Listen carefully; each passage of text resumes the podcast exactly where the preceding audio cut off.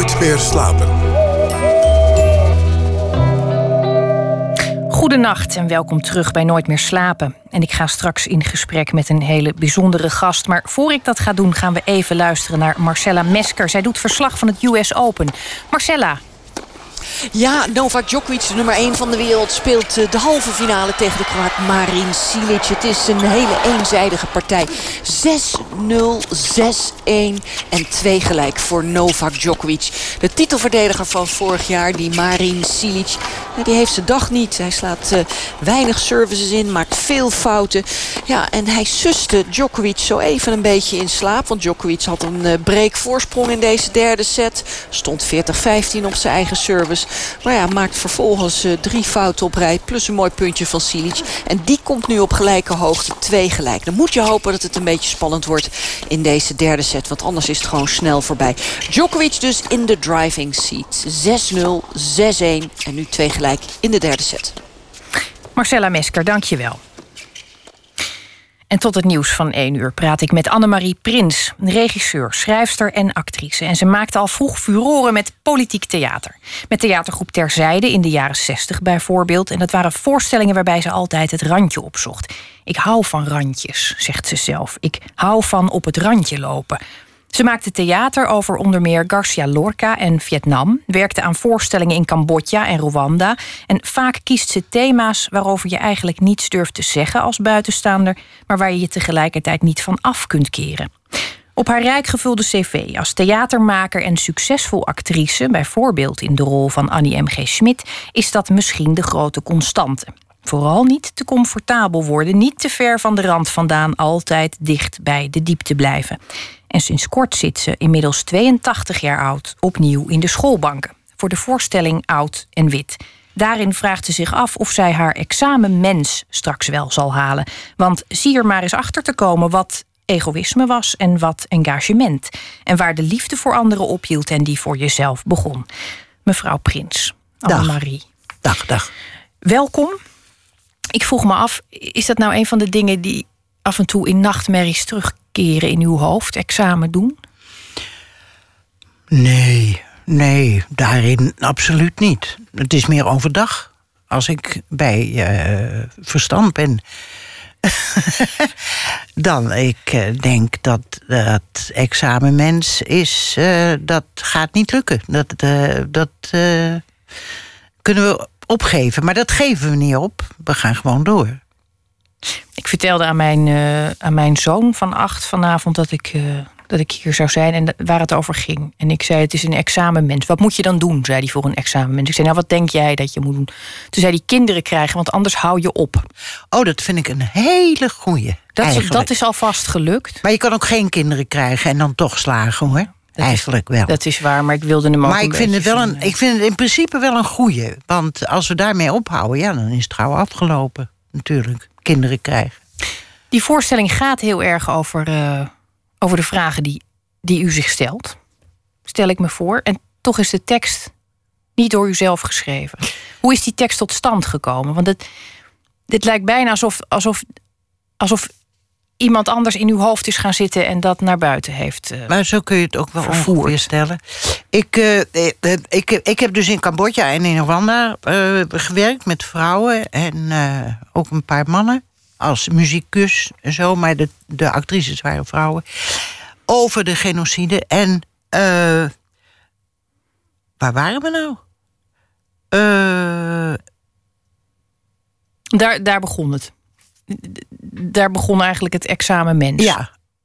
Bij nee, dat is, dat is überhaupt per geboorte begonnen. Uh, maar ik heb daar. Uh, en terugkomend in Nederland, eigenlijk is dat het. Dat ik ontheemd raak. Dat ik niet meer weet wie ik ben en waarom ik hier op de wereld ben. En ik snap, ik werk heel hard daar in uh, Cambodja, maar ik snap er ook tegelijkertijd niks van. En dat wordt me heel duidelijk als ik hier terug in Nederland ben. En omdat ik heel vaak voorstellingen heb gemaakt die gaan over uh, mijn vragen aan mezelf in deze wereld.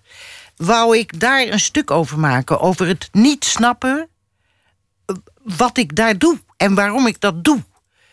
En me uh, een rare koloniaal vinden ook tegelijkertijd. En dan uh, wil ik daar een stuk over schrijven, want ik heb meerdere monologen geschreven. Maar op een of andere manier wist ik dat ik deze uit handen ging geven aan Sophie Cassis, waarmee ik al 30 jaar werk. En die prachtig schrijft. Uh, en ja, die mijn binnenkant van mijn hoofd, ik denk, beter kent dan ik. Dat is misschien hetzelfde principe als dat ik, weliswaar met allemaal gegevens uit Cambodja, uh, een, een stuk heb geschreven met Brechtiaanse scènes over de toestand nu, hoe die is beïnvloed door de genocide. En die daar door Cambodjanen uh, omarmd werd, echt. Soms kan je net van buitenaf, mits je maar uh, genoeg empathie hebt, denk ik. Of, of ik noem het hoerisme, of uh, weet ik veel wat, dat je verdwijnt in iets anders. Uh, chameleonachtig. Als je, nou, dit is een hele lange, ingewikkelde zin. Er slaat op niets. Nee, het staat wel ergens op. Dat je, dat, dat je daar uh, soms beter zicht op hebt dan de mensen die midden in de situatie zitten. En Sophie schrijft prachtig. En Sophie kent mij van binnen naar buiten en van buiten naar binnen. En ik ben heel erg blij met deze tekst. Die had ik niet kunnen schrijven. Ik denk dat ik verdwaald was. Het klinkt wel echt als een. Uh, nou, het, het, klinkt ook als een monoloog interieur, zou ik bijna zeggen. Maar dat, dat doe ik het niet helemaal recht. Laten we even heel concreet uh, vertellen en ik zeg we, maar ik, ik wil eigenlijk vragen of u dat wil vertellen. Hoe komt een Nederlandse theatermaakster, regisseur in Cambodja terecht in een, in een stuk over de genocide? Waar is dat? Want nou ja, kijk, politiek is altijd een, een, een hot item bij mij geweest. Dus dat, daar hoeven we het eigenlijk niet over te hebben. En er is een, een, een, lang verhaal, maar laten we het kort houden. Want we hebben. Uh, een Amerikaanse uh, producent. die mijn werk kent. en die voor de UN naar Phnom Penh is gegaan, naar Cambodja. Om te helpen dat culturele leven weer op poten te zetten. Want dat was geheel verwoest. Echt een diepgapend gat hij is daar uh, aan de slag gegaan. Is na, nadat dat, dat uh, van het UN afgelopen was, is hij gewoon zelf gebleven. En hij kende mijn werk. Hij kende mijn Beckett, mijn Beckett-werk. Ik heb veel Beckett gemaakt. En hij heeft mij gevraagd, heeft gezegd... Annemarie, nu is het uh, tijd voor jou. Uh, kom hier en je, doe wat met de vrouwen. Want die hebben het nog verschrikkelijker dan de mannen. Iedereen heeft het daar verschrikkelijk trouwens. Nou, daar ben ik heen gegaan. En we hebben een workshop gedaan om te kijken of we elkaar in de ogen konden kijken. En of we iets aan elkaar konden hebben, heen en weer. En een workshop met zes vrouwen gedaan. En dat was, uh, ja, dat, dat, dat ging. Dat heet tegenwoordig, dat klikte. En zo kom ik daar terecht. En zo heb ik daar negen jaar op en af gewerkt, eigenlijk. Het is een hele tijd en je zou kunnen denken... je hebt daar negen jaar uh, gewerkt. Ik heb, ik heb geprobeerd daar mooie dingen te maken en iets op te bouwen. En, en, en uh, dan, ben ik dus een, dan ben ik dus heel goed bezig geweest. En toch is het ook weer niet zo makkelijk, want dan kom je terug in Nederland... en dan loop je in de supermarkt en dan staat daar een... Uh, een, een eh, straatkrantenverkoper. En dan hoop je eigenlijk, als die maar niet mij weer aanspreekt. Tuurlijk, dat hebben we toch allemaal? Nou. Dat is toch een gedeelde. Ik denk het wel. In ieder geval zijn er wel genoeg mensen die, die dat delen. nee.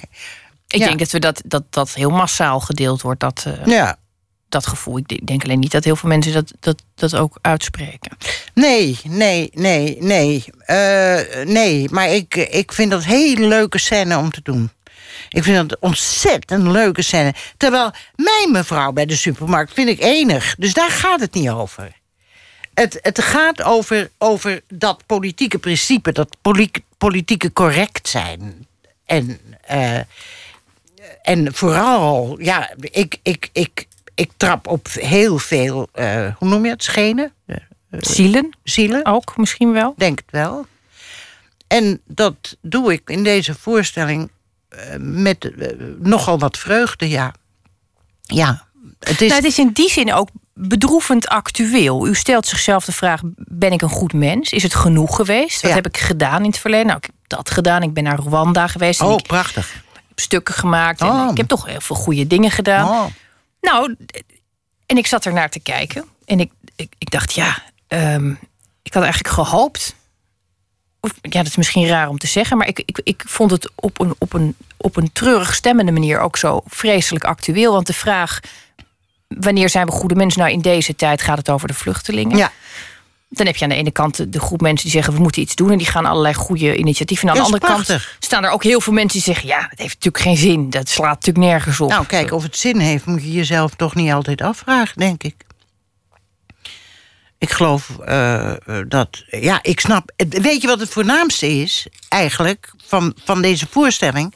Ik heb natuurlijk een heleboel dingen gedaan.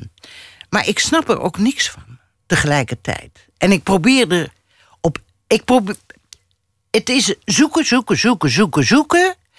Dingen benoemen, vooral dingen benoemen. En in die prachtige, meanderende, totaal onnavolgbare, merkwaardige schakelingen die Sofie in de tekst maakt, die ik ook altijd maak als ik praat, er eigenlijk op een of andere manier alleen maar zoeken. Zoeken naar je motieven, zoeken naar je, je, je, je, je, je gruwel. Hè? Want ik, heb, ik heb bijvoorbeeld die film eh, The Act of Killing. Er is een deel in de voorstelling dat heel dicht aan zit tegen de Act of Killing. Die vrij, vrij bruut is. Vrij, vrij bruut. Ik heb de Act of Killing een stukje gezien van Oppenheimer. En toen heb ik Sofie gebeld en gezegd... ik moet dit samen met jou zien, want ik kan het niet aan.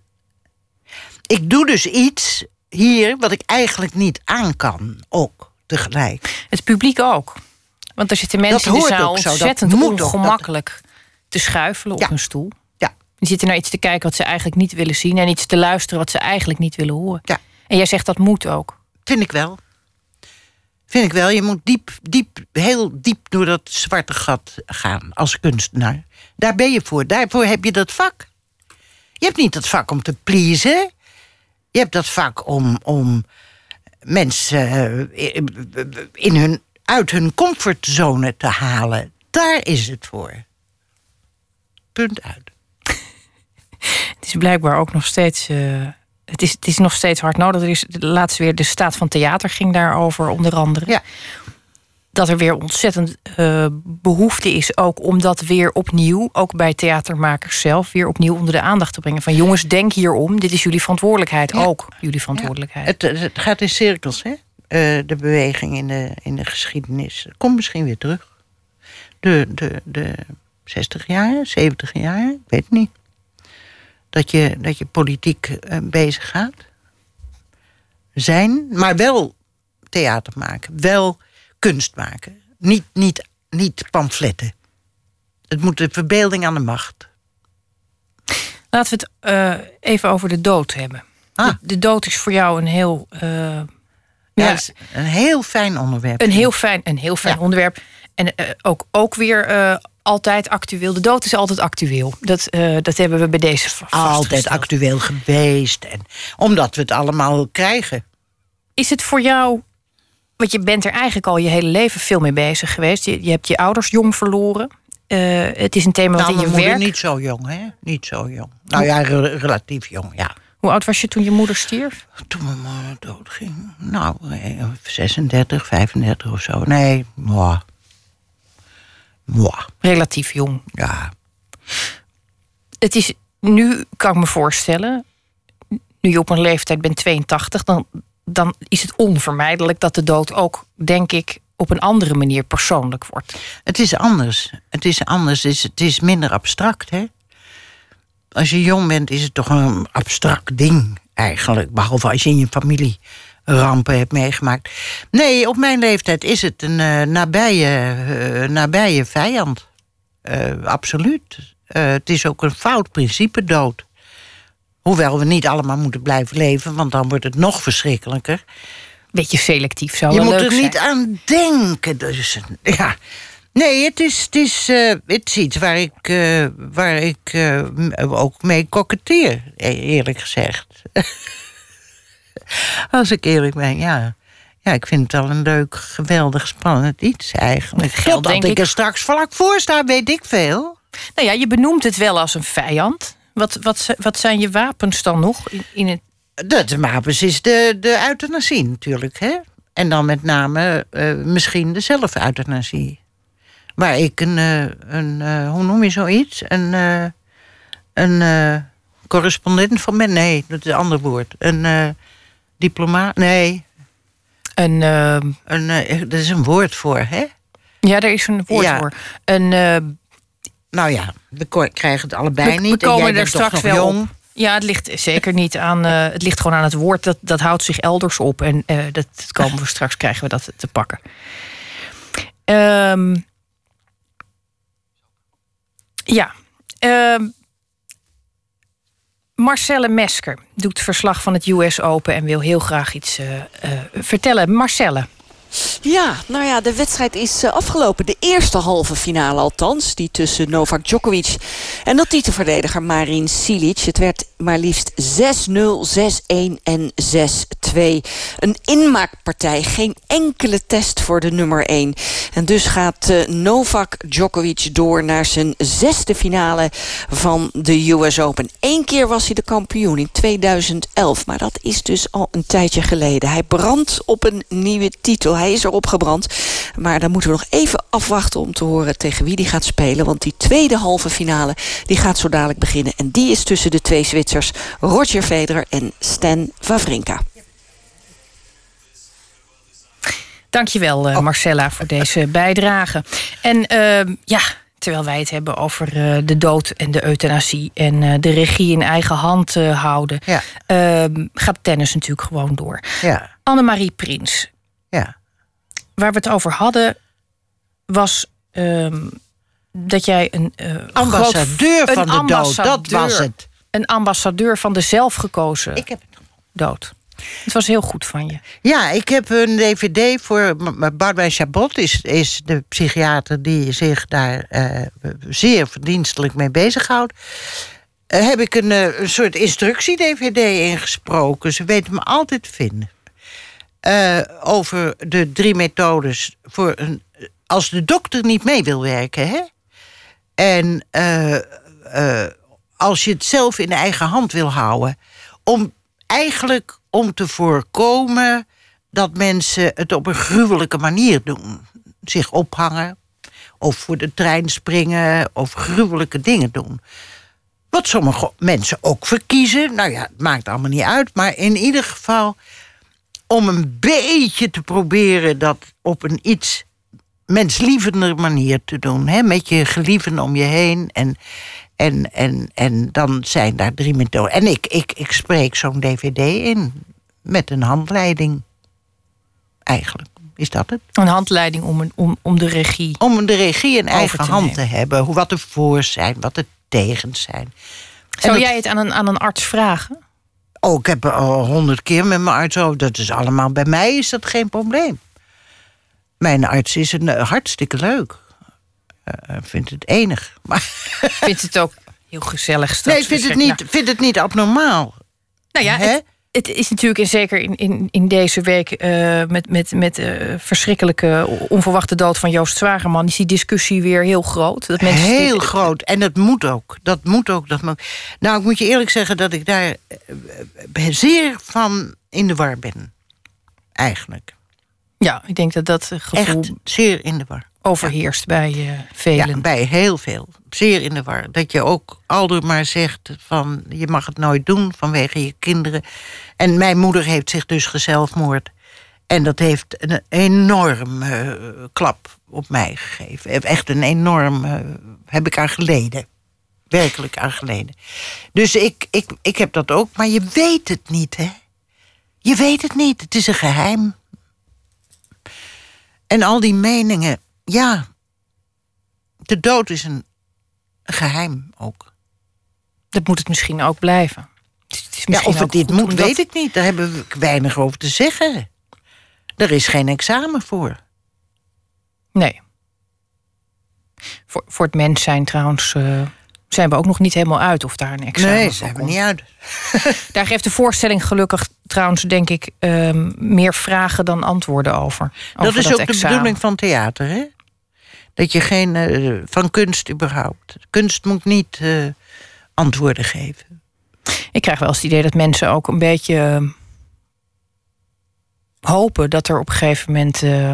Nou, dat, dat ze een keer de zaal uitgaan en dat het ophoudt. Ik, ik, je wordt ook altijd weer omgewoeld. Je wordt ook altijd weer. Je, je wak wordt weer opengeroerd. Ja. En uh, er zitten ja. toch ook altijd mensen die toch al heel veel voelen. Nou, die gaan dan weer iets te voelen. de Lamar of zo. Er zijn alternatieven. Ja. Je wilde eigenlijk regisseur worden, maar je werd actrice. Ja, er was geen opleiding nog voor regisseur. Over welk Toen. jaar hebben we het nu? Huh? Wacht even, 2, 2, 4, 52, 56. 56. je moest auditie doen voor actrice. Neem ik aan. Dan moet je altijd een gebakken ei spelen of iets vreselijks. Nou, dat was, was, dat toen nog, niet, zo? Dat was nog niet toen. Nee, dat is pas later gekomen, die verschrikkingen. Nee, ja, goed. Nou ja, ik, uh, ik naar Arnhem. Ik woonde lang in een zolderkamer in Amsterdam. Maar ik heb dat in Arnhem gedaan. En uh, ik heb dat doorlopen. Hoe ging die auditie? Want dat, dat is ook een soort ik zou examen. Niet meer weten, weet je dat? Het ging uh, wel aardig. En op het station stond Vert Sternenberg... een ou, oude, wel known in mijn, in mijn leeftijdscategorie zo'n oude, be vreselijk beleefde nicht... die mij op het station van Arnhem zei... het is gelukt, dankzij mij. Moest erbij gezegd worden. Ja, ja, ja, ja. Want ik was wat ouder dan de anderen, hè. Het acteren, vond je dat uh, toen je klaar was... dan moet je het ook blijkbaar doen, want dan ben je actrice... dus dan moet je ook dat podium op? Ja, dat heb ik twee jaar gedaan... Uh, bij toenmalig, toen ook al een randgezelschap bij Studio. En da, de, na een jaar was ik in de volledige paniek. Uh, ik vond dat publiek zo griezelig, zo griezelig. In welk opzicht? Het, misschien, ja, ik durfde het niet meer. Ik durfde daar niet meer te komen. Dat gapend gat met al die mensen. Ik denk dat het. Dat, ze zeggen altijd: dan ben je heel ijdel, hè? Als je dat hebt. Nou, dat zou wel, misschien wel. Maar in ieder geval ben ik van de ene op de andere dag uh, daarmee gestopt. Waarom ben je dan heel ijdel als je daar last van hebt? Ja, omdat dat je, zeggen ze dan, hè? Omdat dat je dan alles op jezelf betrekt ja, of zo? Of dat ja, je al die blikken. Wel, zoiets. Ja. Maar ik regisseerde inmiddels al tussen de, de schuifdeuren de, de studenten in Leiden. En dat ben ik toen gewoon gaan doen. Ik ben van de ene op de andere dag totaal gestopt. Echt helemaal uit, af, niks meer. En heb ik 25 jaar, 30 jaar geen poot op dat toneel gezet. En regisseren. En mensen zeiden, vind je dat nou niet jammer? Hè? Nee, dat vind ik niet jammer. Ik ben ontzettend blij dat zij dat doen. En het is toch verbijsterend dat je zo lang leeft. Dat je je eigen wederopstanding kunt meemaken in het acteren. Je hebt zelfs je eigen dood uh, geacteerd in de rol van Annie M. G. Schmid. Ja, heel... leuk was dat. Hè? Ja, was het ook, was dat, dat lijkt me toch ook een hele merkwaardige scène. Want je speelt ah, een oudere vrouw die sterft. Ah joh, dat is gewoon technisch. Dat hoofd moet ietsje meer zo of ietsje meer zo. En om me heen waren er de, de vrouw van de, van, de, van de setting, van de dressing... die was helemaal in tranen. Nou, ik niet. Nee, Het niet tijdens. technisch. Dat, dat kan me voorstellen. Je bent natuurlijk een professioneel. Je, Je bent, daarmee bezig. die daar ligt. En toch lijkt het me heel merkwaardig om, om, om te spelen dat je sterft. Ja, ik zou je eerlijk zeggen dat ik het eigenlijk fantastisch vond. Ook. om dat je ik- eigen dood mee Ja. te maken. Ja, Stiekem. ik weet niet waarom. Maar ik dacht, als het zo kan, man. Met zo'n set om je heen. En, eh, en een lichtman. En een. Oh, daar, daar doe ik wel mee. Het zou natuurlijk prachtig zijn als je niet alleen je eigen einde kunt regisseren, maar dan ook nog eh, de belichting kunt Ja, doen. En de, Dat zou heel goed zijn. Maar daar dat moeten gebeurt ze niet. nog hè? iets op vinden, natuurlijk. En dat gebeurt niet. Dat Nee. wil ik natuurlijk ook eigenlijk niet, hè? Eigenlijk niet. Helemaal niet. Nee, het zou ook een beetje. Het zou wel een hele grote verantwoordelijkheid zijn als je dat ook nog. Je kunt het dan maar één keer doen. Het zou walgelijk zijn. Je kunt het niet. eh, Eigenlijk zou het walgelijk Ja, het zou. Dat, Echt zo- zo van een ijdelheid die niet meer te peilen is. je gaat de voorstelling eh, vanaf 16 tot 26 september in eh Frascati spelen. 16, ja, 16 september beginnen we daarmee. Ja. En dan spelen we twee weken. Twee keer vier keer. In Zeeland was die stampvol uitverkocht. Ja. De Nee. avond dat ik kwam, eh, waren Ja. er zelfs eh, zwartkijkers. dus mensen die zich naar binnen vochten om eh, een plaatsje Ja. te bemachtigen. Ja, ik heb ook twee extra voorstellingen gespeeld daar. Verwacht je dat het in Amsterdam. is het een ander publiek? Je hebt daar waarschijnlijk. Tuurlijk is het ook een ander publiek. Tuurlijk, tuurlijk. Ja, ik ben niet iemand die, die continu opbelt... van hoeveel hebben jullie verkocht, hoor. Ik doe de tekst elke dag nog een keer of zo. Dat is het. Ja, dat moet je allemaal. Dat is natuurlijk ook best een lab. Nou, nou, nou, nou, nou. Ja, Dus dan sta je 's ochtends op, dan repeteer je nog een Nou, keer. Of dat ergens ook weer niet. in de dag doe ik dat. Ja, En dan s'avonds gaat het vlekkeloos. Gaat het altijd vlekkeloos? Nee, natuurlijk niet. Er is één voorstelling geweest waar ik, waar ik plotseling dingen, dingen kwijtraakte. Maar dat vindt het publiek misschien ook aantrekkelijk. Het kan heel Maar- spannend zijn om naar te kijken. Nee, maar ze hebben niks gemerkt. Nee, want ik ben slim en handig, hè? Dat had ik wel ingeschat, ja. Ehm, ja. Annemarie Prins, ehm, ontzettend fijn dat je er wilde zijn. Dank je wel. Ik heb genoten en ik hoop dat eh, mensen massaal naar Amsterdam gaan om die voorstelling te zien. En wij gaan straks na het nieuws verder met het tweede uur van Nooit meer slapen. En dan leest schrijver Arthur Umgrove een kort verhaal. En het Nieuwe Instituut in Rotterdam, daar gaan we kijken over mode. En dat doet eh, Milou van Rossum voor ons. Dat en meer straks na het nieuws van 1 uur.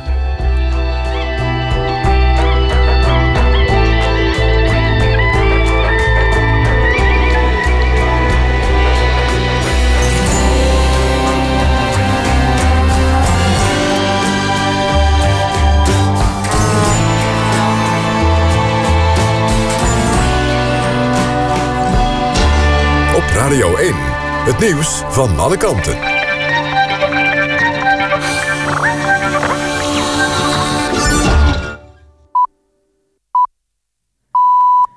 1 uur, Kirsten Klomp met het NOS-journaal. In Mekka in Saoedi-Arabië zijn zeker 107 mensen omgekomen... toen een hijskraan omviel op de grote moskee. Ook zouden meer dan 230 mensen gewond zijn geraakt.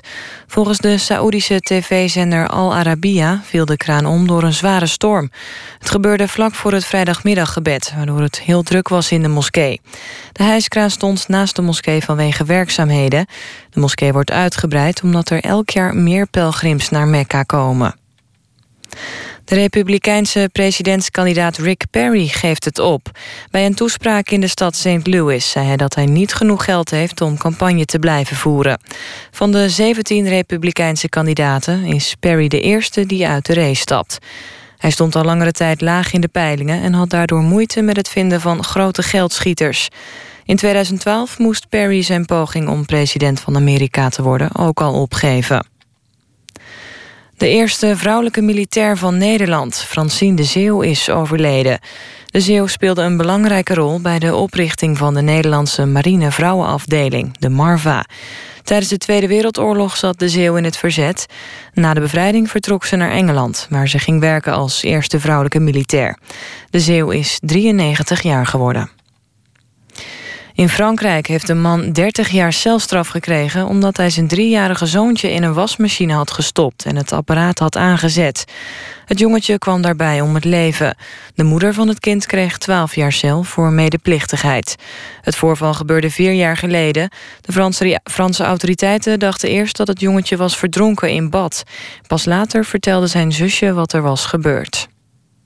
Het weer nog, vannacht vrijwel overal helder en droog bij zo'n 13 graden. Morgen overdag meer bewolking vanuit het zuiden. In de loop van de dag trekken er buien over het land... met in het oosten kans op onweer. Het wordt 20 tot 23 graden. Ook zondag is het wisselvallig. Dit was het NOS Journaal. NPO Radio 1. VPRO. Nooit meer slapen.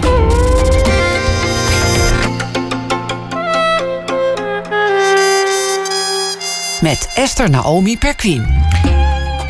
U luistert nog steeds naar Nooit meer slapen. En straks duiken we in de duistere onderwereld van Penosa. De Nederlandse misdaadserie die komende zondag aan het vierde seizoen begint.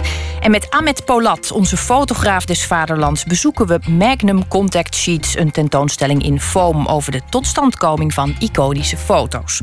Maar we beginnen met proza dat reageert op het nieuws van vandaag. En deze week doen we dat met schrijver, muzikant en cabaretier Arthur Umgrove. En uh, hij heeft het de hele week al volgehouden. En dat doet hij vannacht ook, denk ik. Zijn vierde en meest recente roman verscheen begin dit jaar en heet Paradise Village. En ik zag dat de rechten verkocht waren deze week. Heel erg uh, mooi is dat. Arthur, goedenacht. Goedenacht. Heb jij ook vandaag kans gezien in je drukke uh, leven als uh, uh, belangrijk en vooraanstaand schrijver om toch nog enigszins de actualiteit te volgen? Ik had het, ik, ik had het heel erg druk met hele rare dingen. Ehm, Vertel eens even wat voor rare dingen. Nou, nee, die zijn van persoonlijke aard. Dan maar juist. Ik heb nu het, maar ik ben uiteindelijk tot twee dingen gekomen. en ik heb nog geen keuze kunnen maken.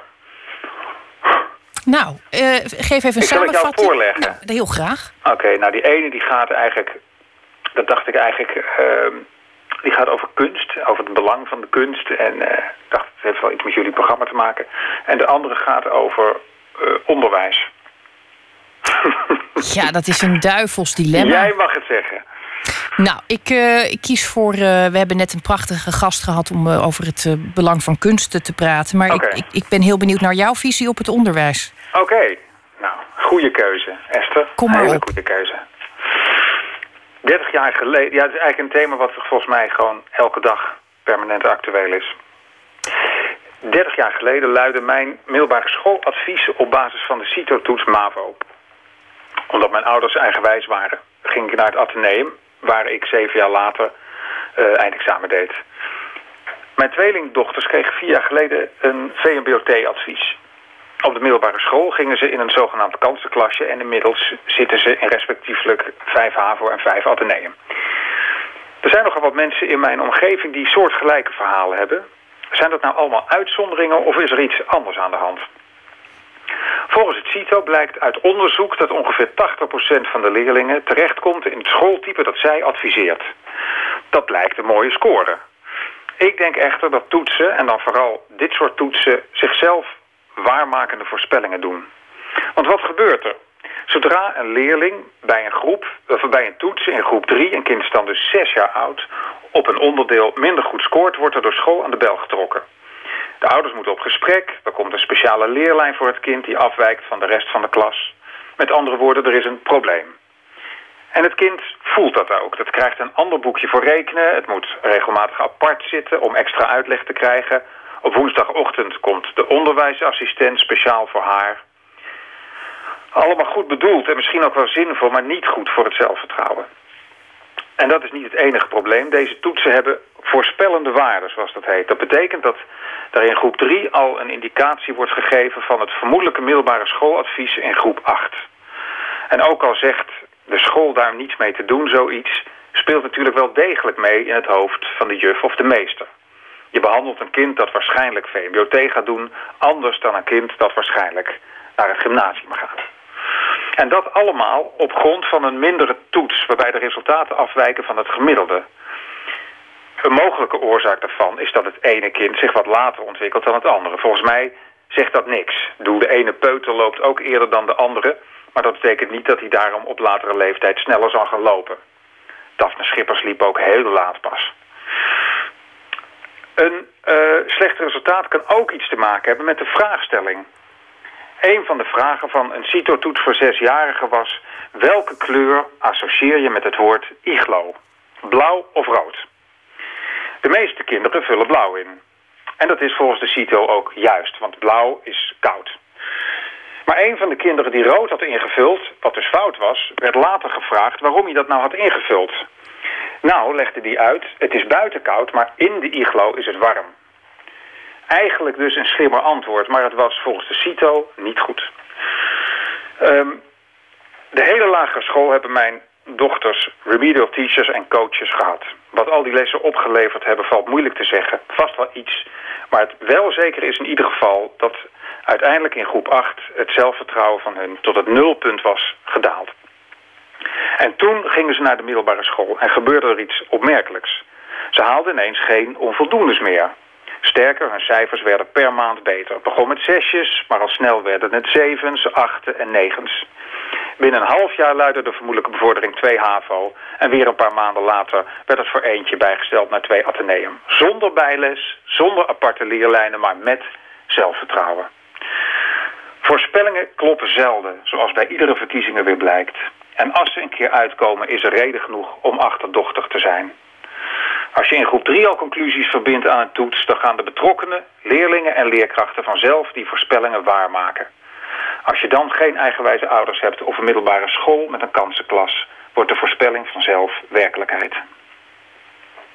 Arthur, dank je wel. Wat ik altijd heel eng vind zijn die ouders die totaal panisch worden als hun kind een VMBO-advies krijgt. En dan denken dat er van alles mis is gegaan in hun opvoeding. Terwijl ik denk, misschien wordt het wel een fantastische goudverdienende loodgieter. Of een, uh... Dat is ook waar. Dat is helemaal waar. Ja, dat, dat, is, dat is de andere kant. Ja. ja, zeker. En met jou is het heel goed afgelopen. Nou ja, dat is dus dan maar de vraag. Maar, maar het is wel zo dat ik denk dat je uh, eruit... Ja, dat, dat, er, dat er niet goed voorspeld wordt door die toetsen. Dat ze dus iets niet goed doen met die toetsen. Ja, nou ik denk dat, dat je daar een, eh, een belangrijk punt raakt. En als het om zelfvertrouwen gaat, is dat natuurlijk altijd cruciaal. Ja. Dank je wel voor deze week. En ja, nou, we, we, spreken je later graag nog eens om te horen hoe het dan met je gaat. Oké. Okay. Slaap lekker. Dank je wel. Ja. De uit Sheffield afkomstige Richard Hawley. Hij speelde een blauwe maandag bij Pulp aan de zijde van Jarvis Cocker. Maar sinds enige tijd timmert hij solo aan de weg. En hij heeft een nieuw album uit, Hollow Meadows. En daarvan draaien wij Nothing Like a Friend.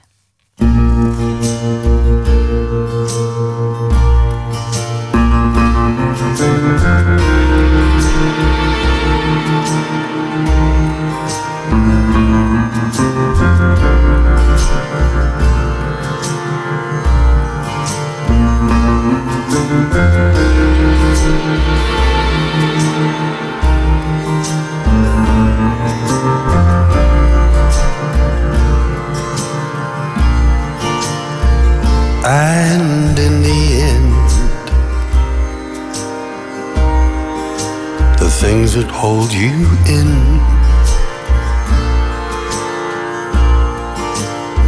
are gossamer thin. Disappeared with the wind. Will these city streets remember us? We walked them long ago. Blown apart by a bitter wind that took us far from home.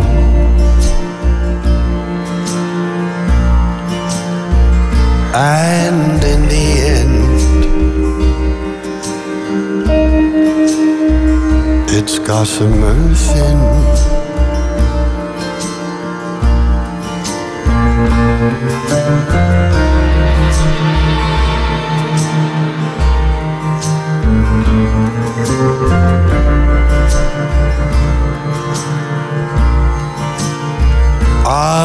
But then again, there's nothing like a friend who can drive you round the bend. We'll be lovers till the end. Will these city streets remember us? We walked them long ago. Blown apart by a bitter wind that took us far from home.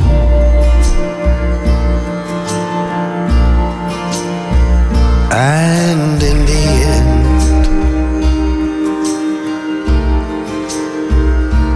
gossamer thin. And in the end, there's nothing like a friend.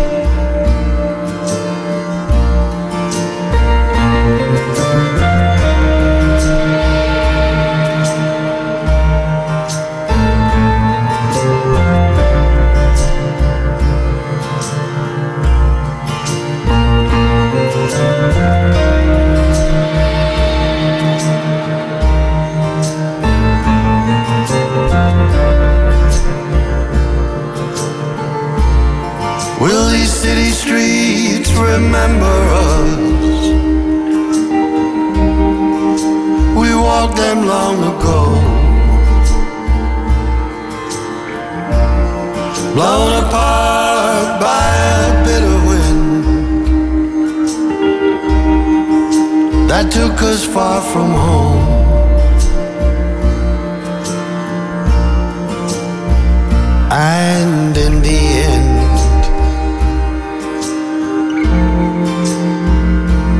Gossamer thin. And in the end, there's nothing like a friend.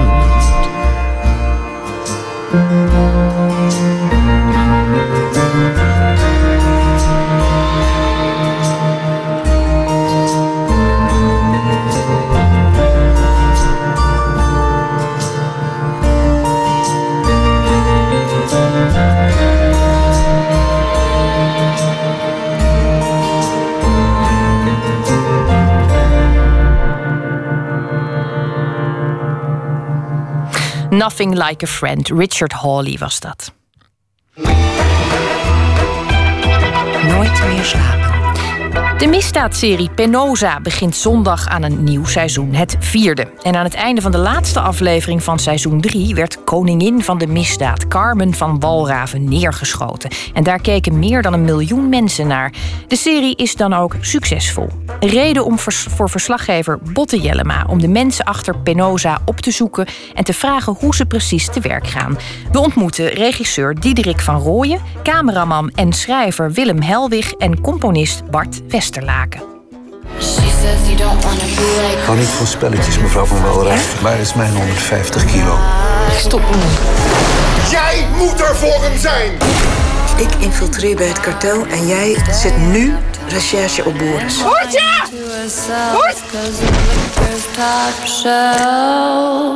Ja, het is eigenlijk een moeder van drie kinderen die geforceerd wordt om in de onderwereld ehm, ja, de koningin te worden. Dus het is, ze wordt eigenlijk in een hoek gedrukt waardoor ze een crimineel wordt. En daar wordt ze heel goed in. Ook omdat ze vrouw is, ook omdat ze moeder is. En, ehm, en haar gezin is alles. Het is een soort, ehm, ja, een soort eh, leeuwin.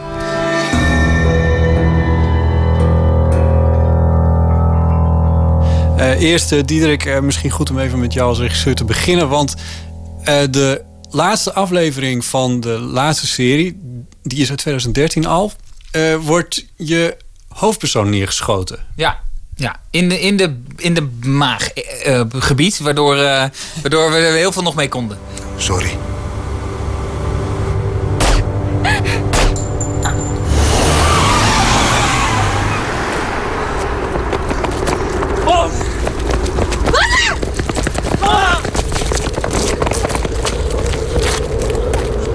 We hadden meerdere eindjes gedraaid natuurlijk. We wilden of een mooi einde hebben, als we niet wisten of we door konden. En toen we wisten dat we door konden, hebben we ook de optie dat zij in de buik werd geschoten. Waar je van ja, wat, wat, waar je, wat niet dodelijk hoeft te zijn. Juist, ja precies. Dus het is geen grote verrassing dat Carmen terugkomt in ieder geval.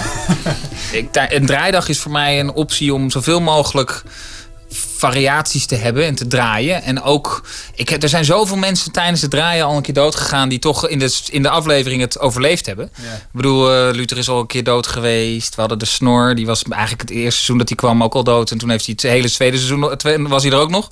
Ik draai heel veel opties, waardoor ik in de montage ook nog dingen kan. Dus zoiets, zo'n soort beslissing kunnen we later ook maken vaak. Waar blijft die moeder van jullie, godverdomme?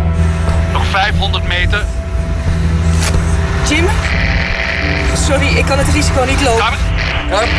Die laatste draaidag, dat was nog een avontuur omdat we dat twee keer gedraaid hebben. Omdat de eerste keer dat we het gedraaid hadden, was het ontzettend aan het regenen. En het was zo heftig dat we moesten stoppen.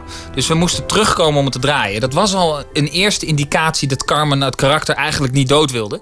Dus we waren heel erg aan het doodschieten. En toen werden we de hele weggeregend. En toen keken we elkaar aan. En ik kan me met Willem, we keken elkaar aan. En we hadden zoiets van, volgens mij, eh, volgens mij, uh, the bitch won't die.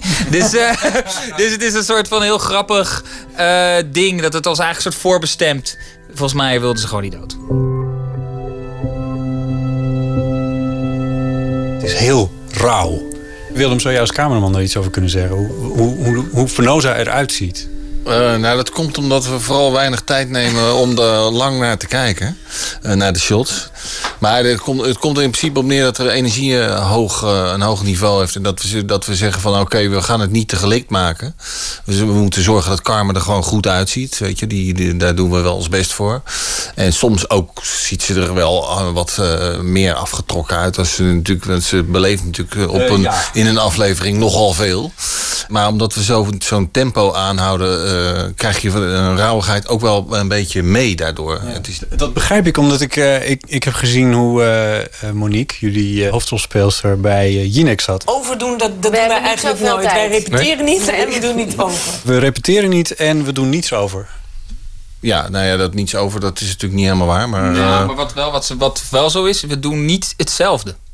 Dus we gaan wel, wat we wel doen, is dat we doen wel iets over. Maar we, ik heb liever meer opties of meer verschillende gevoelens of meer andere in, intenties. Dan dat we precies hetzelfde nog een keer vragen. Monique Hendricks vond dat dus bijzonder. Die maakt dat dus kennelijk anders mee. Dat klopt. Ja. ja. die had het ook wel zwaar het eerste seizoen, de eerste twee weken. Die schrok zich wel in het begin helemaal. En dus is nu. is er, dan? Nou, dat we zo veel tempo moeten maken. We moeten gewoon een aflevering in zes dagen.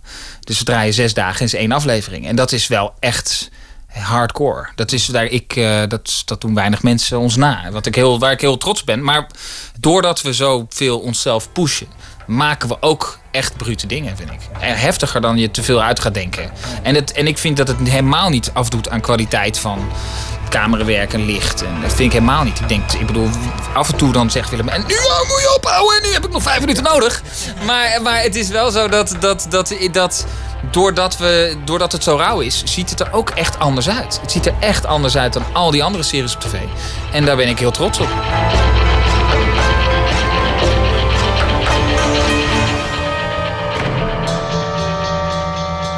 En Bart, dan krijg jij het hier in je studio uh, voor je. En hoeveel bepaal je dan nog met de muziek? Nou, Diederik is wel een regisseur die weet eigenlijk wel precies wat hij wil. Um, alleen het is wel mijn muziek. Dus ik, ik kan nog een beetje, uh, een beetje links duwen, een beetje rechts duwen. Je zei net, uh, Bart vol trots, hier gebruik ik voor de eerste keer in Penosa een drumstel.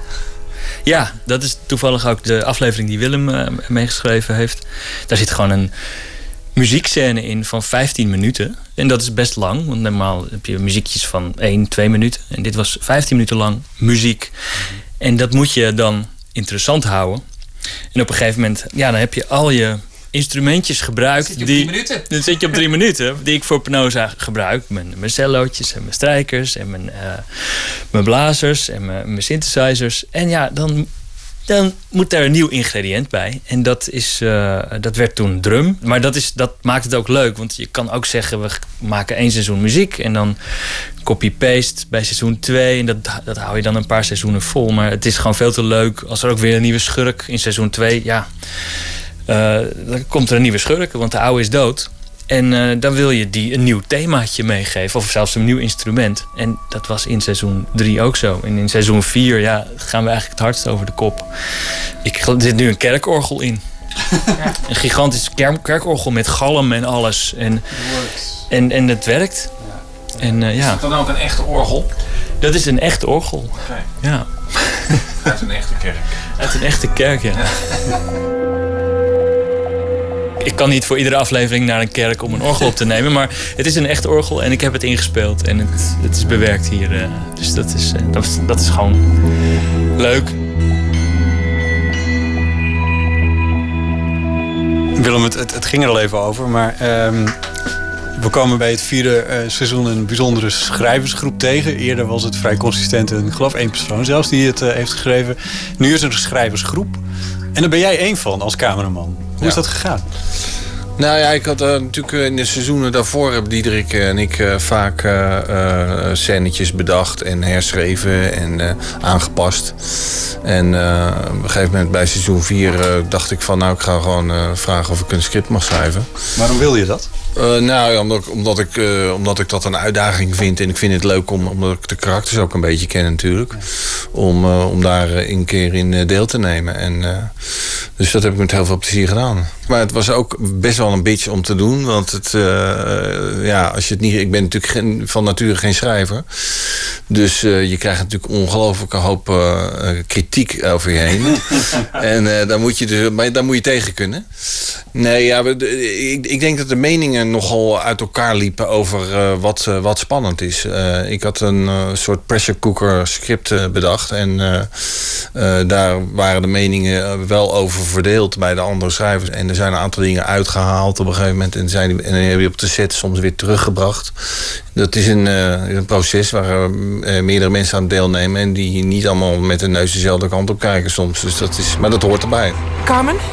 Hey! Drie graden wie dit is. De oppas van je kinderen. Wat? Wat wil je? Wat ik wil? Jij doet precies wat ik je zeg. Anders knal ik een van je kinderen kapot. De bottomline is altijd van, uh, uh, hoe gaat het met mijn kinderen? Ja. Dat is ook ja. sterk aan dit seizoen, vind ik. Want nu gaat dus langzaam gebeuren wat iedereen ook al een beetje voelt. Wat ik ook altijd heb gehad. Van op een gegeven moment kun je je kinderen er niet meer voor beschermen. Op een gegeven moment kun je ze gewoon niet meer beschermen. Op een gegeven moment gaan ze toch komen ze toch te veel in aanraking ermee. En dat is dit seizoen. Dit seizoen gaat gewoon over dat ze misschien wel een kind kwijtraakt. Dat gaan we allemaal meemaken of dat gebeurt. Maar het is, we zijn niet, uh, we zijn wel brute makers. Daar, gaan we, daar gaat wel, niemand wordt gespaard. Elke keer komt een acteur de set oplopen en die weet niet zeker of hij de dag overleeft. Er zijn gedachten over een vijfde seizoen. Is dat met Carmen of niet? Dat weten we nog niet. We zijn heel, het is een heel spannend seizoen. Ga vooral kijken, want het is, je weet nooit wat er gebeurt met Penosa. Dat, dat weet hij nu ondertussen. Seizoen 2 ging halverwege opeens Eerwander aan. Dat had ook niemand zien aankomen. Nou, een paar van die verrassingen ga je dit seizoen ook krijgen. Dus uh, ik zou gewoon blijven opletten en uh, veel plezier. Regisseur Diederik van Rooyen van de misdaadserie Penosa. Zondag om vijf voor half negen is de eerste aflevering van het nieuwe seizoen op NPO 3. En in de reportage hoorde u ook cameraman Willem Helwig en componist Bart Westerlaken. Allen waren ze vanaf het begin betrokken bij Penosa. En de drie heren spraken over veel meer zaken dan wat u net hoorde. En dat hele gesprek kunt u ook beluisteren. Raadpleeg dan even onze Facebook- of Twitter-account. Muziek. Ze werd geboren als Mabel Louise Smith, maar werd bekend als uh, RB-zangeres onder de naam Big Mabel. Met uh, veel van haar generatiegenoten begon ze met het zingen van gospelkoor in de kerk. En we gaan luisteren naar Big Mabel met het nummer No More Trouble Out of Me.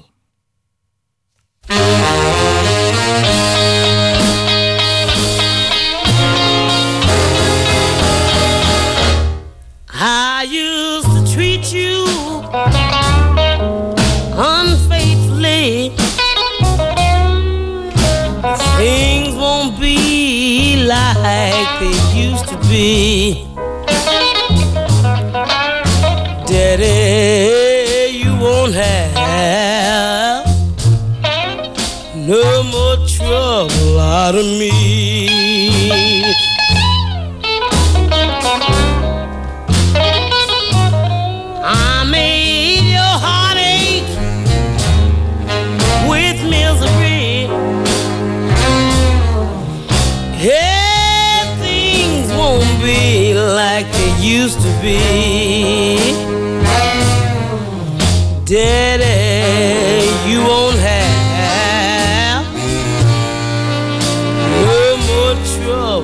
Me.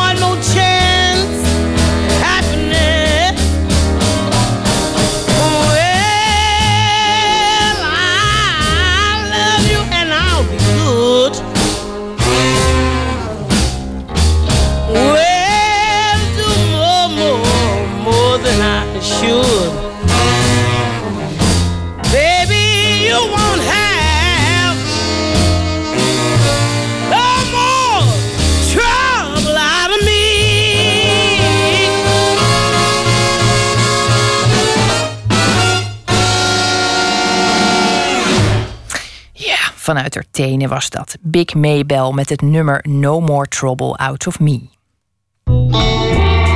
Nooit meer slapen. Iedere vrijdag bellen we voor een culturele tip met een van VPRO's smaakmakers. En vandaag doen we dat met modejournalist Milou van Rossum van NRC Handelsblad. Morgen opent in Rotterdam het tijdelijke modemuseum. Daar willen we natuurlijk alles over horen. Maar bovendien zijn de komende weken ook de belangrijkste internationale Fashion Weeks. En dat begint met de New York Fashion Week, die eh, gisteren van start ging. En die wordt gevolgd door die in Londen op 18 september en Milaan op 23 september en Parijs op 29 september. Het lijkt wel een soort Olympische eh, modesport. Ehm Milou, goedenacht. Goedenacht. Dat tijdelijke modemuseum, daar ben jij eh, geweest. Ehm, Morgen is de opening van het, eh, dat is in het Nieuwe Instituut in eh, Rotterdam. Maar jij eh, mocht dus al naar binnen. Wat Ja. trof jij daar aan? Ja, het hele, het is inderdaad letterlijk een, een modemuseum in plaats van een eh, modetentoonstelling. Dus het hele gebouw zit vol met allerlei modetentoonstellingen, iets grotere en kleinere. En eh, er is dus eh, er is ontzettend veel te doen. Ehm, je komt eigenlijk, het grappige is, het is een soort mengeling tussen een warenhuis en een museum hebben ze ervan gemaakt. Dus je komt eh, binnen in een soort van, zoals bij de parfumcounter in, in de Bijenkorf. Dus we hebben daar ook een speciale geur voor laten maken. Parfum du Parc, als ik me goed herinner. En dan laat je je jas ophangen in een mooie hoes. En als je jas mooi genoeg is, wordt die op een pop gehangen. En dan, nou ja, dan is er van alles eh, te zien en te doen. En eh, het leuke is inderdaad dat er net zoveel te zien is als te doen. Want ze hebben bijvoorbeeld eh, pumps laten maken in maat 28 tot en met 48. Waardoor echt en kleine kinderen en volwassen mannen eens een keer op pumps kunnen lopen. Er is een afdeling met, met stoffen waar je, en patronen waar... je kan er niet een hele jurk naaien, maar je kan daar wel onderricht krijgen en stoffen. Dus het is een vintage winkel. Eh, maar er is ook een tentoonstelling eh, over eh, hoe, hoe de Nederlandse cultuur de internationale mode heeft beïnvloed, volgens de makers. Het heet ook een speculatieve geschiedenis van de Nederlandse mode. En daartussenin staat dan een, prachtige couturecollectie van een hele rijke Zwitserse mevrouw... die 1700 uh, haute couture stukken in haar leven heeft gekocht. Haar kinderen waren daar zo boos over dat ze dat, of, dat ze dat hebben geschonken aan een instituut. En 600 van die jurken hangen nu, of tenminste zijn nu in Rotterdam, een aantal hangen uit. En als je wilt kun je een, het soort jurk beschrijven wat je graag wil zien... en wat misschien nog in zo'n doos ligt. En daar mag je dan ook aan zitten. Dus het is, uh, ja, het is een hele andere uh, modetentoonstelling dan je meestal ziet. Want meestal is het toch uh, uh, kleding op poppen. En nou ja, zoals Guus Burmer zei, het gaat dus of om een merk... of om kijken naar prachtige jurken. En ja, hier gebeurt veel meer. En... Um, het gaat ook over het systeem van de mode. Op de bovenste verdieping heeft Connie Groenewegen. Dat is iemand die heel erg met textiel bezig is. Uh, die uh, verzamelt er allerlei vliestruien. Vlies is een, een recycleproduct van petflessen. Maar de vliestruien, daar kan eigenlijk niks meer mee worden gedaan. En zij knipt van elke vliestrui en maakt ze één lange draad. Of dat doet ze met zitten heel veel mensen daar te werken. En daar worden weer enorme kleden van gebreid... die dan helemaal vanaf de bovenste verdieping langzaam steeds verder naar beneden gaan. Nou ja, je kan er tijdschriften kopen volgens mij. Je, je, kan er vintage passen en kopen. Er is, er is een, een, een vintage winkel van Ferry van der Nat. Wat ook grappig is natuurlijk omdat heel veel musea inderdaad heel veel vintage kleding ook kopen voor hun eigen collectie. Hij heeft ook heel veel uh, verkocht aan musea. Hij had een enorme uh, verzameling Leng. Maar daar hangt dus ook gewoon een Leng jurk die je voor 350 euro zou kunnen kopen. Dus het is een hele ja, een, een interactieve uh, museum, zou je kunnen zeggen. Nou, je klinkt heel, heel blij verrast. Ja, ik, was, ik, was, nou ja ik, was, ik, vond het echt, ik vond het echt bijzonder. En dat komt ook omdat je vindt dat, dat andere tentoonstellingen misschien iets te statisch zijn. Nou, ik vind, uh, ik vind, uh, ik ben op zich dol op modetentoonstellingen en ik mag heel graag kijken uh, naar een, jurk op een pop. Daar, daar, heb ik helemaal geen probleem mee. Integendeel, ik vind wel dat er op dit moment wel een, een, een overvloed is aan modetentoonstellingen. Dus elk museum het lijkt of dit najaar is het volgens mij op, op het hoogtepunt. Bijna elk museum in Nederland gaat iets met mode doen. Zelfs het uh, Flipje Museum in Tiel uh, komt met een modetentoonstelling over Frank Govers die uit Tiel komt. En twintig jaar geleden zijn laatste show gaf. Maar het, het, het, uh, het wordt soms inderdaad een beetje... Soms is het een beetje te makkelijk, vind ik. Ik vind bijvoorbeeld dat sommige musea uh, in hun andere tentoonstellingen veel uitdagender en spannender zijn dan in de modetentoonstellingen. Dus, en het is natuurlijk heel, mode uh, jurken is natuurlijk, een jurk op een pop is iets statisch. Um, het enige wat je misschien nog kan doen is film of zo. Dus het is, ik vind het wel interessant dat zij dan zoeken naar een nieuwe vorm om mode in het museum te brengen. En ik vind het ook, uh, volgens mij hebben ze het in een hele korte tijd gedaan. Um, maar ik vind dat ze het toch op een originele manier hebben gedaan. En één ding wat ik nog vergeet, wat ik eigenlijk misschien nog wel een van de leukste dingen vind... is dat ze een zaal hebben, uh, die heet Dressbar Architects. En daar laten ze uh, uh, zien hoe de mode eruit ziet op een architectuurtekening. En dat is heel geestig. Dan is daar een lijn in te ontdekken eigenlijk? Um, nou, het gaat van, uh, ik wil niet zeggen van reeds oude Grieken mij, maar het gaat van, uh, je ziet 19e eeuwse kleding en je ziet ook uh, jaren, van de jaren 60 en jaren 70. En wat je eigenlijk een beetje ziet, is toch wat toen het heersende. Het zegt eigenlijk wat het heersende modebeeld is van die tijd. Hè? Het is niet zozeer, het is dan, het is niet zozeer. Um, heel bijzondere mode of zo. Maar wel zoals goed geklede mensen er uh, volgens de norm in die tijd uitslagen. En dat is heel, uh, ja, dat is eigenlijk heel komisch. Het is ook heel grappig als je zo'n tekening ziet uit rond 1970. Hoe ongelooflijk kort die, die rokjes dan toch zijn. ja, ja, je denkt wel eens dat er nu van alles gebeurt. Maar als je terugkijkt gebeurt er veel meer. En je ziet er ook eentje van... Uh, bouw, de, een tekening voor de... Ehm, uh, de de bouwkundefaculteit van de TU Delft. En dan staan daar uh, twee mannen. Uh, eentje heeft een pijp en, de, en, die, en die ander houdt een tekening open. En uh, die zijn druk in gesprek en op de achtergrond staat inderdaad zo'n meisje met een heel kort rokje. Kijkt uh, een beetje toe. Dus nou ja, dat zegt natuurlijk ook weer wat. Maar ja, het is echt het is, een, het is um, iets waar je wel een paar uur zou kunnen doorbrengen. Um, er is ook, uh, ze hebben ook geprobeerd het huidige modebeeld in, in kaart te brengen. Dus dan hebben ze de hoofdredacteur van Fantastic Man and Gentlewoman. Dat zijn um, Engelstalige bladen die in Nederland worden gemaakt. En die uh, erg hoog aangeschreven zijn internationaal. Die hebben dan tien looks van de catwalk gekozen die volgens hun dan het belangrijk zijn. Dus je wordt ook een beetje in het huidige modebeeld getrokken. Maar ja, het is, het is, het is grappig. vaak heb je bij een tentoonstelling als er veel verschillende dingen gebeuren, dat dat stoort. Maar omdat het nu echt het hele museum heeft overgenomen, werkt het ontzettend goed, vind ik. Ja. Milou, uh, tot slot, want uh, daar uh, krijgen we natuurlijk ook nog straks mee te maken. Uh, de, de ja. komende weken begint de Fashion Week in ja. Londen, Milaan en Parijs. Komt daar allemaal achteraan. jij gaat daarheen. Is er iets waar je specifiek naar op zoek bent of naar uitkijkt? Ja, je hoopt natuurlijk altijd um, de mode zit een beetje in een, in een rare fase, vind ik, op dit moment. Uh, op een of andere manier, uh, er gebeurt ontzettend veel uh, in de mode... maar er gebeurt vooral heel veel op het gebied van de presentatie van de mode. Wat, wat je nu heel erg ziet is hoe belangrijk Instagram... Hoe belangrijk Instagram is geworden en hoe daar toch decors op worden aangepast en in sommige gevallen zelfs de ontwerpen zelf. Dat het allemaal groot en duidelijk zichtbaar is op een scherm.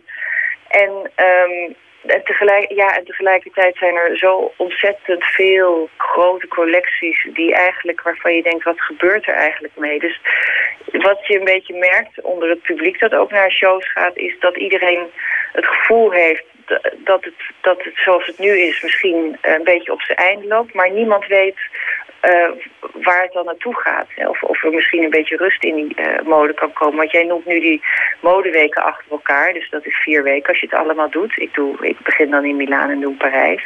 Dan heb je dat ook nog een keer voor mannen. Maar tegenwoordig heb je dan ook nog uh, dat tussendoor allerlei tussencollecties worden gepresenteerd. Dus het is een, er is helemaal geen rust meer. Het is en eigenlijk een, een groot lopend buffet als ik het zo hoor. Het is een groot lopend buffet. En dan tussendoor worden mensen, dan heb je de zogenaamde cruise collecties. En daar worden dan, ja, dan vliegt een huis als Louis Vuitton 900 mensen in naar Palm Springs voor één show. Dus het gaat maar door. En tegelijkertijd, al die beelden komen meteen uh, op Instagram vooral tegenwoordig. Dus zelfs als je dan net al die modeweken gedaan hebt, dan denk je oké, even rust. Maar dan, dan, het, dat is er helemaal niet meer. En tegelijkertijd kopen mensen natuurlijk eigenlijk weinig kleren op het moment relatief. Dus de, aan de ene kant is, is er een soort je merkt dat iedereen uh, een beetje moe is van hoe het nu gaat. En uh, wacht op iets.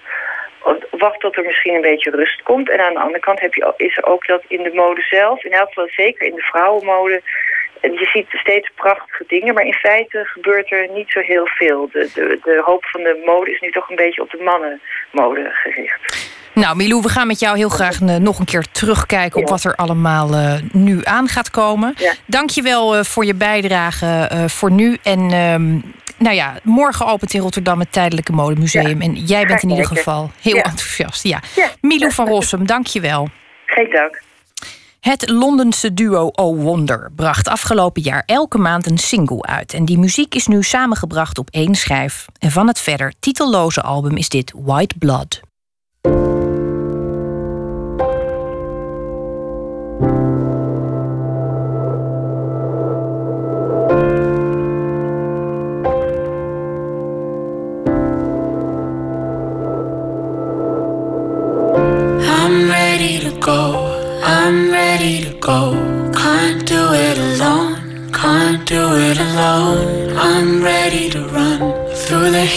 The sun. Can't do it alone. Can't do it alone. I'm ready to fall. So tired of it all. Down deep in a hole. Can't do it alone. I'm ready to climb this mountain inside. Impossible heights. Said you'd always be my white blood. Circulate the right love. Giving me your white blood. Right here with me. Said you'd always be my white blood.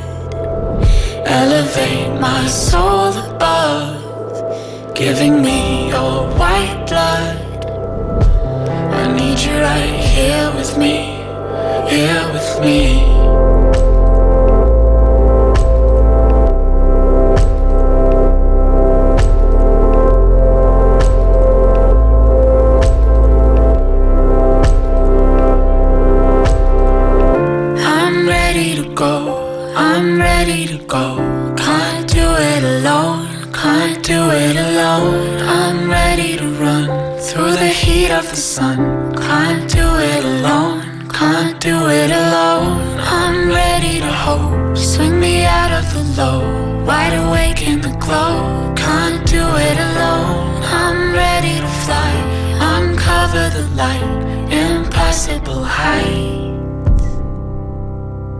You'd always be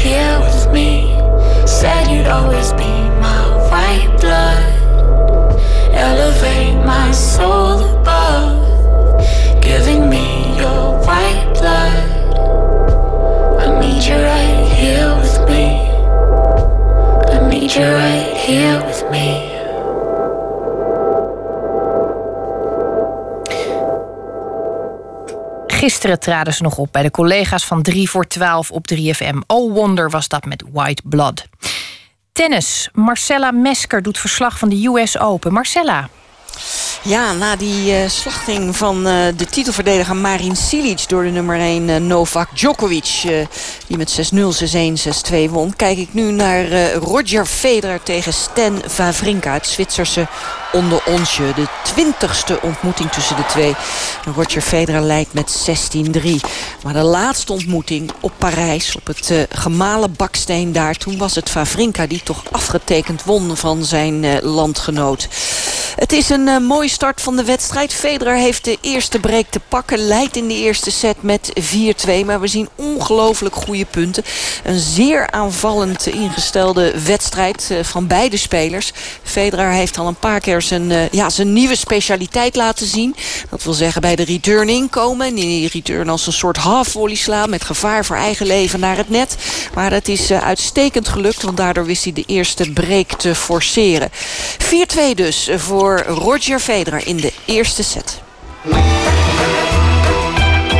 Nooit meer slapen. Wat maakt een beeld iconisch? De juiste balans, de perfecte toon, het mooiste licht, het moet allemaal maar net samenvallen. Op de tentoonstelling Magnum Contact Sheets in het Amsterdamse fotomuseum Foam kunnen we de zoektocht naar het perfecte beeld volgen. Verslaggever Maarten Westerveen ging er langs met fotograaf des Vaderlands Ahmed Polat op zoek naar het moment. Het is voor mij een film. Ik bedoel, ik, ik ken de contact sheets al heel lang. Ik heb al eerder, misschien wel 10 of 15 jaar geleden, hier een documentaire over gezien. Ook over Magnum-fotografen. En ehm, ja, voor mij is het een film. De film in kwestie zijn lange reeksen contactafdrukken van foto's. Een beetje alsof je een filmrolletje bekijkt. Maar slechts één van die vele wordt uiteindelijk een beeld. In Foam volgen de fotografen van het fameuze genootschap Magnum in een zoektocht naar het perfecte beeld. Fotograaf des Vaderlands Ahmed Polat laat me zien hoe die zoektocht werkt. We hebben hier een beeld van Martin Luther King, gefotografeerd door Leonard Freed. Een hele bekende, uh, geëngageerde fotograaf die vooral uh, de civil rights uh, volgde in Amerika. En wat je hier ziet is um, niet zozeer een portret van Martin Luther King, maar hij zit in een auto en uh, iedereen uh, om die auto heen wil hem aanraken. En uh, zijn meer gefocust op zijn handen, om hem zeg maar, zijn hand aan te raken, dan op zijn gezicht. En dat vond ik wel, is wel heel mooi, heel mooi en bekend beeld. Het grappige is, het fotografie heeft niet zozeer met techniek te maken, maar met, gewoon met je eigen kijken. En um, beperkingen, zoals vroeger met film, had je dus minder mogelijkheden om tot het juiste beeld te komen. Dus er is een hele bekende quote op dit moment van... Vroeger had je een filmpje met 36 uh, opnames. Er zaten twee goede foto's in. Tegenwoordig heb je een chip waarmee je 800, 3000 opnames kan maken... en er zitten nog steeds maar twee goede foto's in. Dus het ligt echt aan de kijker om het juiste moment uh, te vinden, te kadreren, de positie in te nemen. Dat kan je niet doen door alleen maar techniek. En dat zie je ook door die contactsheets.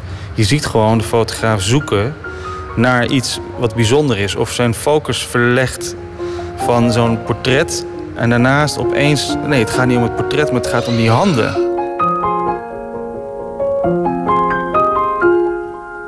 Ik zie zoveel. Uh, ik, ik, weet wat hij staat. Ik snap wat hij aan het doen is als fotograaf, waar hij naar op zoek is. En uh, als ik dan wat je net ook vroeg, van, kan je dan ook zien of iemand, wat iemand gevoeld heeft die dag, of waar hij mee bezig is. En dan denk ik van ja, dat, dat zie je dus door die kleine beelden met die vrouwen waar hij even in gesprek mee is. Dan weet je gewoon dat het ook iemand is die uh, met zijn omgeving bezig is.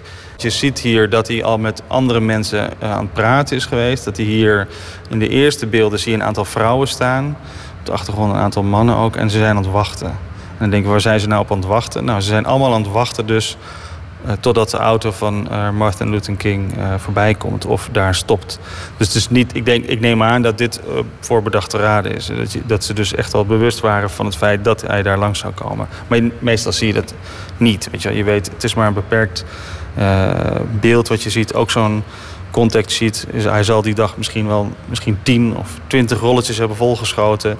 En wie weet waar hij allemaal geweest is en hiervoor waar hij allemaal mee bezig was. Dat, ja, dan zou hij eigenlijk alles moeten zien wat hij die dag heeft geschoten. We zien hier, hij had andere keuzes ook kunnen maken. Waarom heeft hij, denk jij, uiteindelijk toch deze foto gekozen die we hier zien? Um, even kijken hoor, want ik zit... Het ja, is, het is sturen. Wijst, ja, nou, je wijst naar... Hij heeft hier wel een... Nee, inderdaad. Het is niet die. Nee, het is... Het is volgens mij hier, deze. Nee, wacht even, het is, uh, want daar kijkt hij volgens mij meer de mensen aan. Nee, het is deze, kijk maar, ja. 23a. Kijk, oké. Okay. Dus je hebt 23a, dus daarvoor had hij al andere eerst andere gekozen.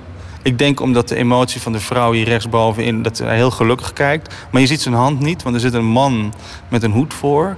En op een gegeven moment zie je... Heel die serie is heel mooi, maar zijn gezicht valt weg achter handen. En bij de ene die hij uiteindelijk gekozen heeft... is, uh, is iedereen gefocust op die hand.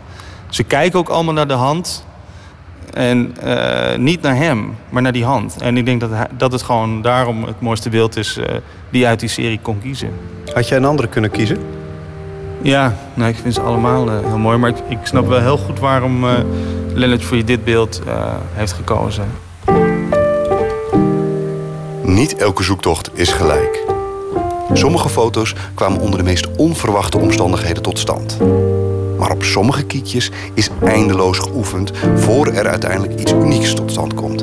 Ja, je ziet uh, Dali voor een van zijn werken, uh, uh, maar en hij springt in de lucht. terwijl er een plas water en drie katten voorbij vliegen met een stoel die in de lucht hangt. En ja, ik denk dat het een heel bekend beeld is, van, ja, een surrealistisch beeld is van hemzelf. Um, wat, uh, wat bevalt je? Laten we eerst even naar het, origine, naar, de, naar het icoon gaan. Wat bevalt jou zo aan, aan dit beeld? Nou, wat, wat, daar wil ik toch iets over zeggen. Want wat heel bijzonder is, dat het hier niet alleen maar om het beeld gaat wat we zien, maar ook het object zelf. Je kan deze uh, lijsten kan je, uh, dat zijn scharnieren. Je kan de achterkant van het beeld waar het op geprint is ook bekijken. Je ziet aantekeningen hier, waar die heen is geweest, de, copyright. Er staat heel veel informatie op, op zo'n foto aan de achterkant. Dus het is ook meer een object dan alleen maar de foto zelf. En dat is wel mooi. Dit is ook een hele beschadigde versie. Ik bedoel, moet je kijken. Het is, aan alle kanten hangt het plakband een beetje aan elkaar. En hier zitten wat scheurtjes in en zo. Um, nou ja, het is uh, gewoon fantastisch als object om het zo te zien. Het is ook de eerste keer dat ik het zo zie. En hiernaast heb je natuurlijk gewoon weer fantastisch de, de beelden die ertoe hebben geleid naar de uiteindelijke keuze. En je ziet hier zes kleine versies foto's waarbij je de Dali ziet wachten eigenlijk. Je ziet hem er klaarstaan om uh, te gaan springen. En wat ook heel grappig is, je ziet dus hè, die katten, volgens mij hebben ze die katten meerdere keren voorbij moeten gooien. Wat heel erg is, volgens mij voor die dieren. Ik denk niet dat mensen die van dieren houden dit beeld heel fijn vinden om te zien. Maar ik vraag me af ook, als je uiteindelijk naar het origineel kijkt, zie je dus dat er een schilderij zit op de plek waar Dali, als je de contact ziet staat, geen schilderij staat. Dus je ziet dus dat er ook gefotoshopt is op een misschien ouderwetse manier. Uh, maar er zit dus, hangt dus een... Zie je het zelf? Ja, ja zeker nog. Je kan het ook zien omdat de, het, het, de, de watergolf die over dat, uh, dat schilderij heen gaat... Dat, daar kan je doorheen kijken. Maar je ziet dat aan de andere kant zit er geen schilderij meer. Het is hier gewoon, je ziet daar de muur door het water heen. Dus je kan ook zien inderdaad ja. dat het... Is dat niet fantastisch gewoon? Dat je zeg maar opeens een beeld uh, van uh, 1948 ziet en denkt van... nou, toen waren ze dus ook dik aan het photoshoppen. dat is hartstikke mooi. Met iconische beelden komt ook bagage. Dus een fotograaf anno nu heeft al die vorige beelden al gezien. In hoeverre verandert dat onze vorm van kijken... en onze vorm van waarnemen en vastleggen?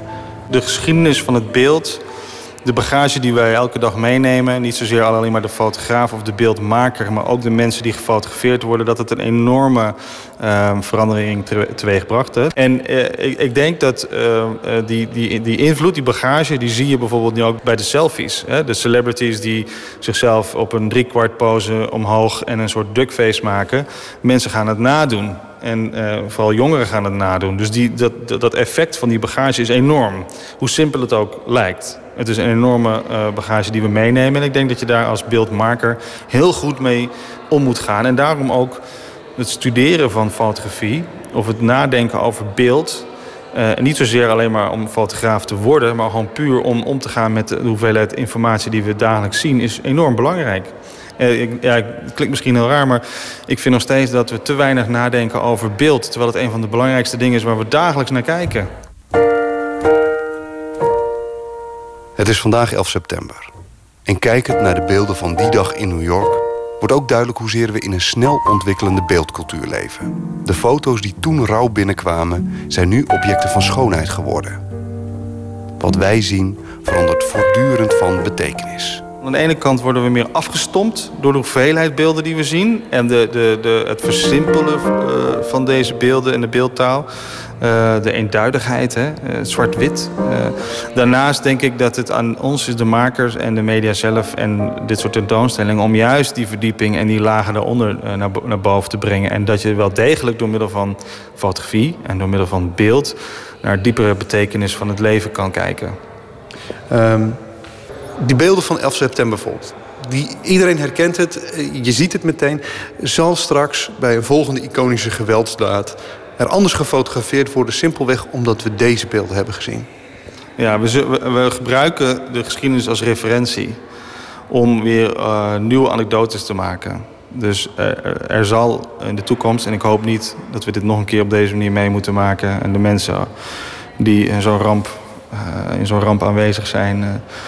Dit niet nog een keer over zich heen moeten hoeven te laten komen. Maar dat je dus wel gaat zien dat uh, als er weer een keer zoiets gebeurt... dat mensen, uh, fotografen, beeldmakers wel degelijk dit in hun achterhoofd hebben. En ja, dat zie je nu ook al met de beelden die we nu zien van de afgelopen dagen... van de, de vluchtelingen die uh, naar Europa toe willen komen. Dat er ja, ook op die manier weer gekeken wordt naar dat onderwerp. En uh, gerefereerd wordt naar uh, beelden die we in 20, 30 jaar geleden hebben gezien in Ethiopië bijvoorbeeld. Van de hongersnood.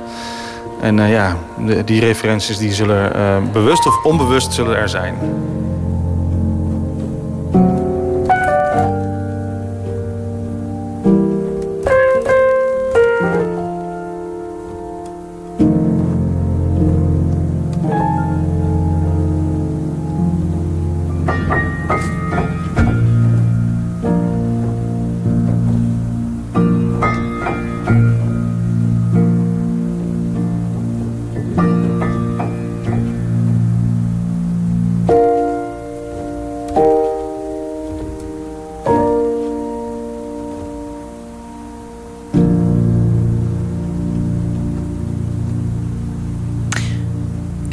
Fotograaf des vaderlands Ahmed Polat over de Magnum Contact Sheets, het verhaal voor het beeld. De tentoonstelling is vanaf vandaag in Foam Amsterdam te bezichtigen. En dit was een bijdrage van Maarten Westerveen. Dichter Marieke Rijneveld leest deze week vijf van haar favoriete gedichten. En uh, deze week is dat er een van Els Moors, een titeloos gedicht uit de bundel Liederen van een kapseizend paard.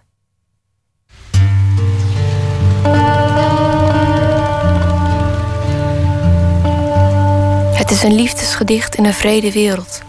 Je verlangt ernaar om het grote te veranderen, de wereld te redden enzovoort. Om dan weer even overvallen te worden door het tastbare. Om je lief aan te zien komen in de blinde hoek van de spiegel.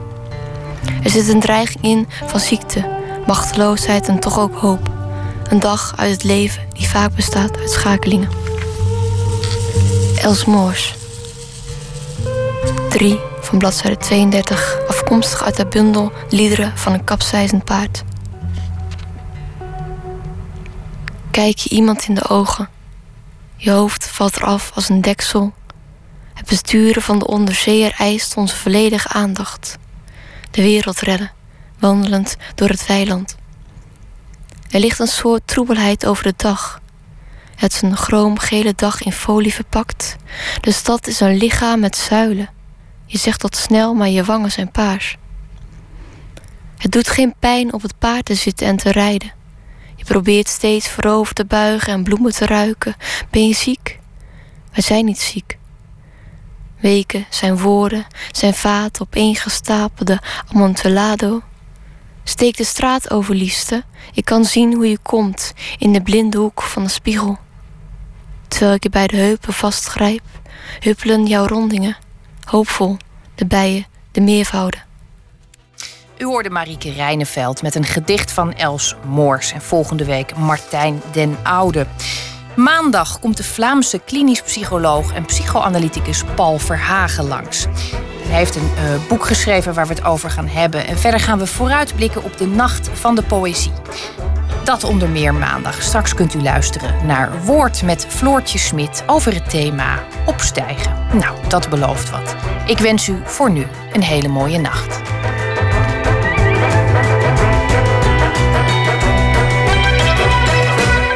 Op Radio 1, het nieuws van alle kanten.